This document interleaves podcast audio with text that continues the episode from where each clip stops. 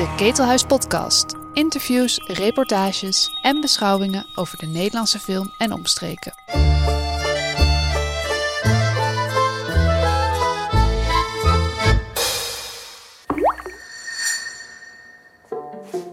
Welkom bij het uh, Ketelhuis Journaal met uh, dit keer aandacht voor de documentaire van Sarah Vos getiteld White Balls on Walls.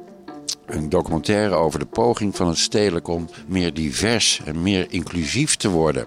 Ja, volgens mij moeten we eerst even zeggen dat we voor de balie zitten. Dat er dus af en toe een auto of een tram langskomt. Zodat de mensen alsof voorbereid we op een vluchtheuvel zitten. um, Sarah, het, het, stedelijk. Jij hebt, um, uh, je hebt Rijn Wolfs gevolgd in zijn tocht naar meer inclusiviteit, meer diversiteit. Uh, gedurende drie jaar een soort um, moreel mijnenveld is het eigenlijk, waar je dan in terecht komt. Hoe hebben ze in godsnaam, hoe heb jij in godsnaam toestemming gekregen om al die vergaderingen en al die moeilijke gesprekken te filmen? Ja, dat is ook heel bijzonder, uh, besef ik me steeds meer naarmate meer mensen hem gaan zien. Wist ik ook al onderweg. Uh, nou, wat denk ik heel belangrijk is, is dat we aan kop heel veel gepraat hebben met elkaar. En uh, dus ik heb Rijn Wolfs, toen ik hoorde dat hij werd benoemd, uh, ben ik, heb ik contact met hem gezocht. Ik was benieuwd wat hij zou gaan doen met het stedelijk, waar ik een lange band uh, mee heb, gewoon pers op persoonlijk vlak. En in een van die eerste gesprekken vertelde hij meteen, nou ja, die, we, hebben, we zitten met een witte kanon. Toen wist ik eigenlijk niet eens wat het woord kanon was, maar goed. witte werken die dan als meesterwerken worden beschouwd. En dat moet anders. Ehm, en bovendien, um, uh, het team, het managerial team en het team van conservatoren bij het stedelijk is ook nog heel, heel, eenduidig, heel wit. Dus ook dat moet anders. Nou, toen was ik eigenlijk wel meteen direct geïnteresseerd in dit onderwerp. Ik dacht, dat lijkt me heel interessant, heel urgent ook. En goed dat ze het gaan doen. Dat was natuurlijk niet meteen gemakkelijk. Het is niet van hallo, kom maar binnen.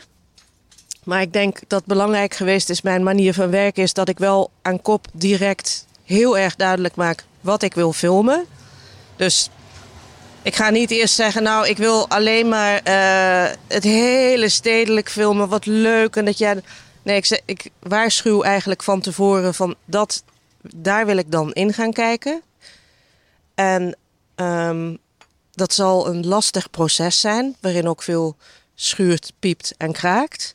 En meestal heb ik best wel een goed gevoel waar dat op welk moment zich afspeelt.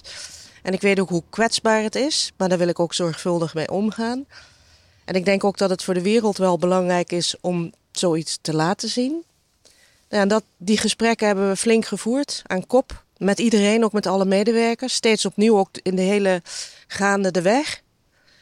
En ik denk dat er toen vooral ook aan kop door Rijn Wolfs uh, de keuze is gemaakt van ik verbind me hier aan en ik laat ze toe.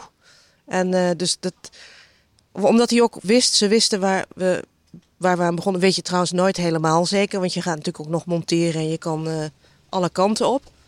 Maar het was wel gewoon heel helder wat ik zou gaan doen. Ja, maar het is natuurlijk best lastig, want elke opmerking ligt op een soort vergrootglas op het moment dat het over dit onderwerp gaat. Totaal, ja. Zeker. En het is alleen maar sterker geworden. Uh, nee, absoluut. En daarom hadden we ook uh, besloten. Dus we hebben eigenlijk bij elke draaidag opnieuw, zeker als het met een team was of een teams, we zaten midden in COVID, per keer ook steeds opnieuw gemeld van tevoren. Hé, hey, we gaan filmen morgen. Op de draaidag zelf. Hallo, we zijn er met een camera. Zodat niet iemand onverwachts, weet je, want dat, dat zou ik sowieso geen fijne en mooie methode vinden om daar een beetje met een, hè, vaak gewoon ook dicht met lenzen dichterop, niet een telelens en dan hopen dat je wat. Nee, kon niet missen dat we er waren en wat we aan het doen waren. Dus uh, ja, en zodoende hebben we het vertrouwen, denk ik, opgebouwd om dit te mogen laten zien. Uh, wat we nu uh, bij, ja, ook bij Charles, Charles Landvreugd en een aantal van de conservatoren. Dus, hebben ze niet geëist dat ze zeggenschap hadden over de final cut? Nee, dat kan niet, want we zijn een publieke omroep. En um, wat ik wel altijd, altijd doe, met al, want ik vind film is een een camera is een, is een um, machtig middel. Alles gaat eigenlijk onder een, wordt onder een microscoop gelegd of onder een vergrootglas gelegd. En um, als iemand bereid is om zich zo kwetsbaar op te stellen, vind ik ook dat je ook als maker daar een verantwoordelijkheid in hebt. Om dat te doen op een manier waarop de ander daar ook mee kan leven. En juist op die manier A, dingen kan laten zien die misschien stom of moeilijk of schuren. Maar ook hoe los je dat dan weer op? Of wat ga je, weet je, dus, en ik vind voorop staan dat uh, mijn hoofdpersonen altijd sowieso moeten komen kijken voordat je helemaal klaar bent met je film. En dan, wil, dan, dan kan je met elkaar praten, eventueel van, nou ja, als je iets feitelijk onjuist hebt. Of stel je voor, dat is niet in deze film geweest. Dit is eigenlijk een vrij gemakkelijk proces geweest wat dat aangaat. Maar als iemand iets zegt waarmee hij bij wijze van spreken zijn familie zich tegen hem zou keren of hij zijn baan zou verliezen, dat is niet mijn insteek om een film te maken. Dus dat wil ik ook niet. Ik wil geen mensen beschadigen. Dat zeg ik altijd ook al aan het begin. Dat, dat, dat is voor mij gewoon een hele. Dat is inherent aan grote documentaires maken, dat je je hoofdpersonen langs moet laten komen. Ja, ze hebben dus geen. Je gaf ze geen vetorecht, dat wilden ze ook niet. Nee. Maar je hebt ze wel betrokken bij de uiteindelijke ik heb ze laten Zien. Ja. en voordat we op slot waren, uiteraard. Ja. Dat verbaast me toch wel een beetje. Uh, want je zei het al, uh, uh, in de montage kan je nog alle kanten op. Je bent kwistig geweest met het in elkaar monteren van allerlei fragmenten van interviews en gesprekken. Ja. Daar ben je heel sturend in. En ja, als ik bijvoorbeeld die Charles Landsvreugd zou zijn, zou ik denken, jee, het, ik word zo uh, getoond als iemand die toch heel nadrukkelijk wil zeggen dat hij de beste scholen van Europa heeft bezocht. Ik stel echt wel wat voor. Ik dacht, oh, die man wil zijn eigen minderwaardigheidscomplex overschreeuwen. Of zie ik dat nou weer veel te somber? Uh, ja, dat is jouw interpretatie dan, zeg maar. Ja. Dus, zo, nee, dat, dat ik, ik heb meer het gevoel, wat vind jij zelf eigenlijk? Um, dat iemand die A, zo'n scherpe, goede geest heeft, met een, met een scherpe, interessante blik op dingen, die heel goed opgeleid is. En dat hij nu pas daar zit. Wat vind jij daar eigenlijk van? Had hij daar niet al veel eerder moeten zitten? Wat zou dat met jou doen als jij zo'n gewoon zo'n talent bent, maar je gewoon eerder genegeerd bent, zeg maar? Wat, wat, ja, het is natuurlijk een kwestie van interpretatie. Maar ik vat die man op als iemand die zich verontschuldigt voor zijn positie. Ja, ik heb er echt wel verstand van. Uh, ben ik de enige, Floortje, of zie je dat ook zo? Ik denk dat dit ontzettend ligt, maar ik denk dat dat eigenlijk bij alles in, in de film ligt aan, aan je perspectief en aan de manier waarop je überhaupt tegen de wereld aankijkt. Ik, ik, denk meteen dat het um, heel interessant maakt. Ik vind het wel interessant dat hij zegt: Ik heb op de hoogste scholen gezet. Alsof hij voor de kijker ook wil vertellen: van ik zit hier niet zomaar voor niks. Maar je hebt natuurlijk gelijk. Ik vind ook dat hij daar te lang, of dat het te lang heeft geduurd voordat uh, dat soort mensen op dat soort posities een kans kregen. Ja, ja.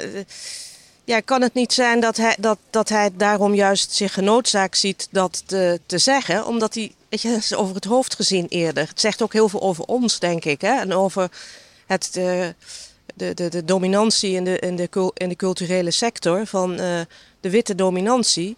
En dan op een gegeven moment ga je dat misschien vanzelf dan schreeuwen. Van ja, maar jongens, ja, het hangt er vanaf. Als jij het zo interpreteert, wat zegt het over jou dan? Dat, daar ben ik dan ook. Wat denk je zelf? Nou, daar gaat het uh, gelukkig vanochtend niet over.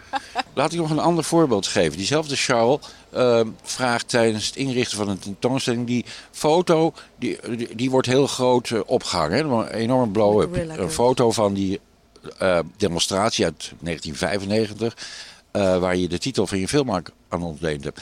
Hij heeft het nog niet gezegd of jij toont ons een shot van de definitieve tentoonstelling... waar dat fotootje behoorlijk lullig klein bij hangt. Dat is een enorm commentaar van jou als maker natuurlijk. Nee, dat was geen commentaar, want zo was het echt. Toen ze liepen rond en hij, dus het is feitelijk wat je ziet. Hij zegt: Oké, dit wordt dus wandvullend. Ja, dat wordt wandvullend. Uh, want een belangrijk statement in de nieuwe collectieopstelling van die periode. Nou, toen, toen die nieuwe collectieopstelling was geopend, ben ik natuurlijk meteen even gaan kijken van, want ik wou een follow-up maken van hoe wandvullend is het. Maar het was dus dit. Het was een, is inderdaad een postzegel gebleven. En dat, dat is gewoon feit, het feit. Zo was het. En wat jij daar verder aan verbindt, dat laat ik aan jou over als kijker. Vind ik ook wel zo interessant, zeg maar. Laat ik nog één poging onder. Ja, ja maar serieus, jij, je wil misschien dat ik iets zeg erover, maar dit, ik, weet je, ik ben nieuwsgierig van wat gebeurt er en dan laat ik het zien. Ik laat het aan jou om daar al die gevoelens bij te ontwikkelen. Een laatste poging Ja, doe hem. Ik ben nu maar op. bijna wanhopig. We Waarom? krijgen, eh, we krijgen een nogal hilarische rondleiding langs de genderneutraal geworden toiletten van Stedelijk. En daar zet je triomfantelijke trompetjes onder op Ja. de geluidsband. Nou, is dat... Dat is in ieder geval niet de werkelijkheid, want die trompetjes waren niet aanwezig. Jij zet, ze die, jij zet die eronder en dat is een vorm van commentaar. Dat is, ehm, zeg maar, ah, ik vond het heel fascinerend dat die, wc, die bordjes op die wc's, dat daar ook alles stond. Dus zeg maar, ik heb, ja, ik heb er heel lang naar zitten kijken. Ik moet het nu feitelijk zeggen wat erop stond, maar dat weet ik niet meer precies. Ik vond, ik probeerde me te verplaatsen in het hoofd van het stedelijk zelf. Van wauw, weet je, dat was best wel een groot ding. Al die, die, die blokken van de wc's afhalen van man, vrouw. En dan, er zijn hele vergaderingen, maar wij waren er al, toen was dat net gebeurd. Maar ik, weet zeker dat dat een heel groot ding is geweest. Dus ik, dat, dat, dat wilde ik versterken met die muziek. Dat het niet aan je voorbij gaat. Weet je, ik, ik hou van details. Ik vind altijd, daar zit een heel verhaal altijd achter. Dus we hadden op die draai, dat was die draaidag dat we ook die shots buiten maakten met het eraf krabben van de iconen. Of was het nou iets binnen? Nou, in ieder geval, het was een van de chicere draaidagen. We hadden een grote crew van eh, zoveel man met jibs, grips en rails. En ik liep nog even naar boven op het eind. Toen dacht ik, hé, hey, die wc, die, daar wil ik nu. Dat, dus ik heb die jongens nog, terwijl ze doodmoe waren, zei ik, nee, nog even naar die wc. Met die, met die dolly op die wc. Dat moeten we groot maken. Omdat het ook groot is voor hen. Dus die trompetjes zijn niet jouw commentaar, maar je eh eh verwoordt of je laat daarmee zien hoe Ja. triomfantelijk, hoe trots het stedelijk is op zijn toiletten. Ja, en hoe groot dat is. Dat is ook voor de kijker dat je er niet aan voorbij loopt. Dat je, dat je, dat je, dat je mee die, dat die belevingswereld wordt ingezogen. Ik vond trouwens ook erg mooie muziek, vond je niet? Ja, ik vond prachtige trompetjes. Ja. Alan McLaughlin, dat is een, een nieuw talent aan het firmament. Het is met eh, muzikanten gemaakt. eh, en, en heel, ehm, ja, wat ik bijzonder vond aan hem, gesproken over de muziek. Vaak, tegenwoordig is, is, het vaak zo'n woe.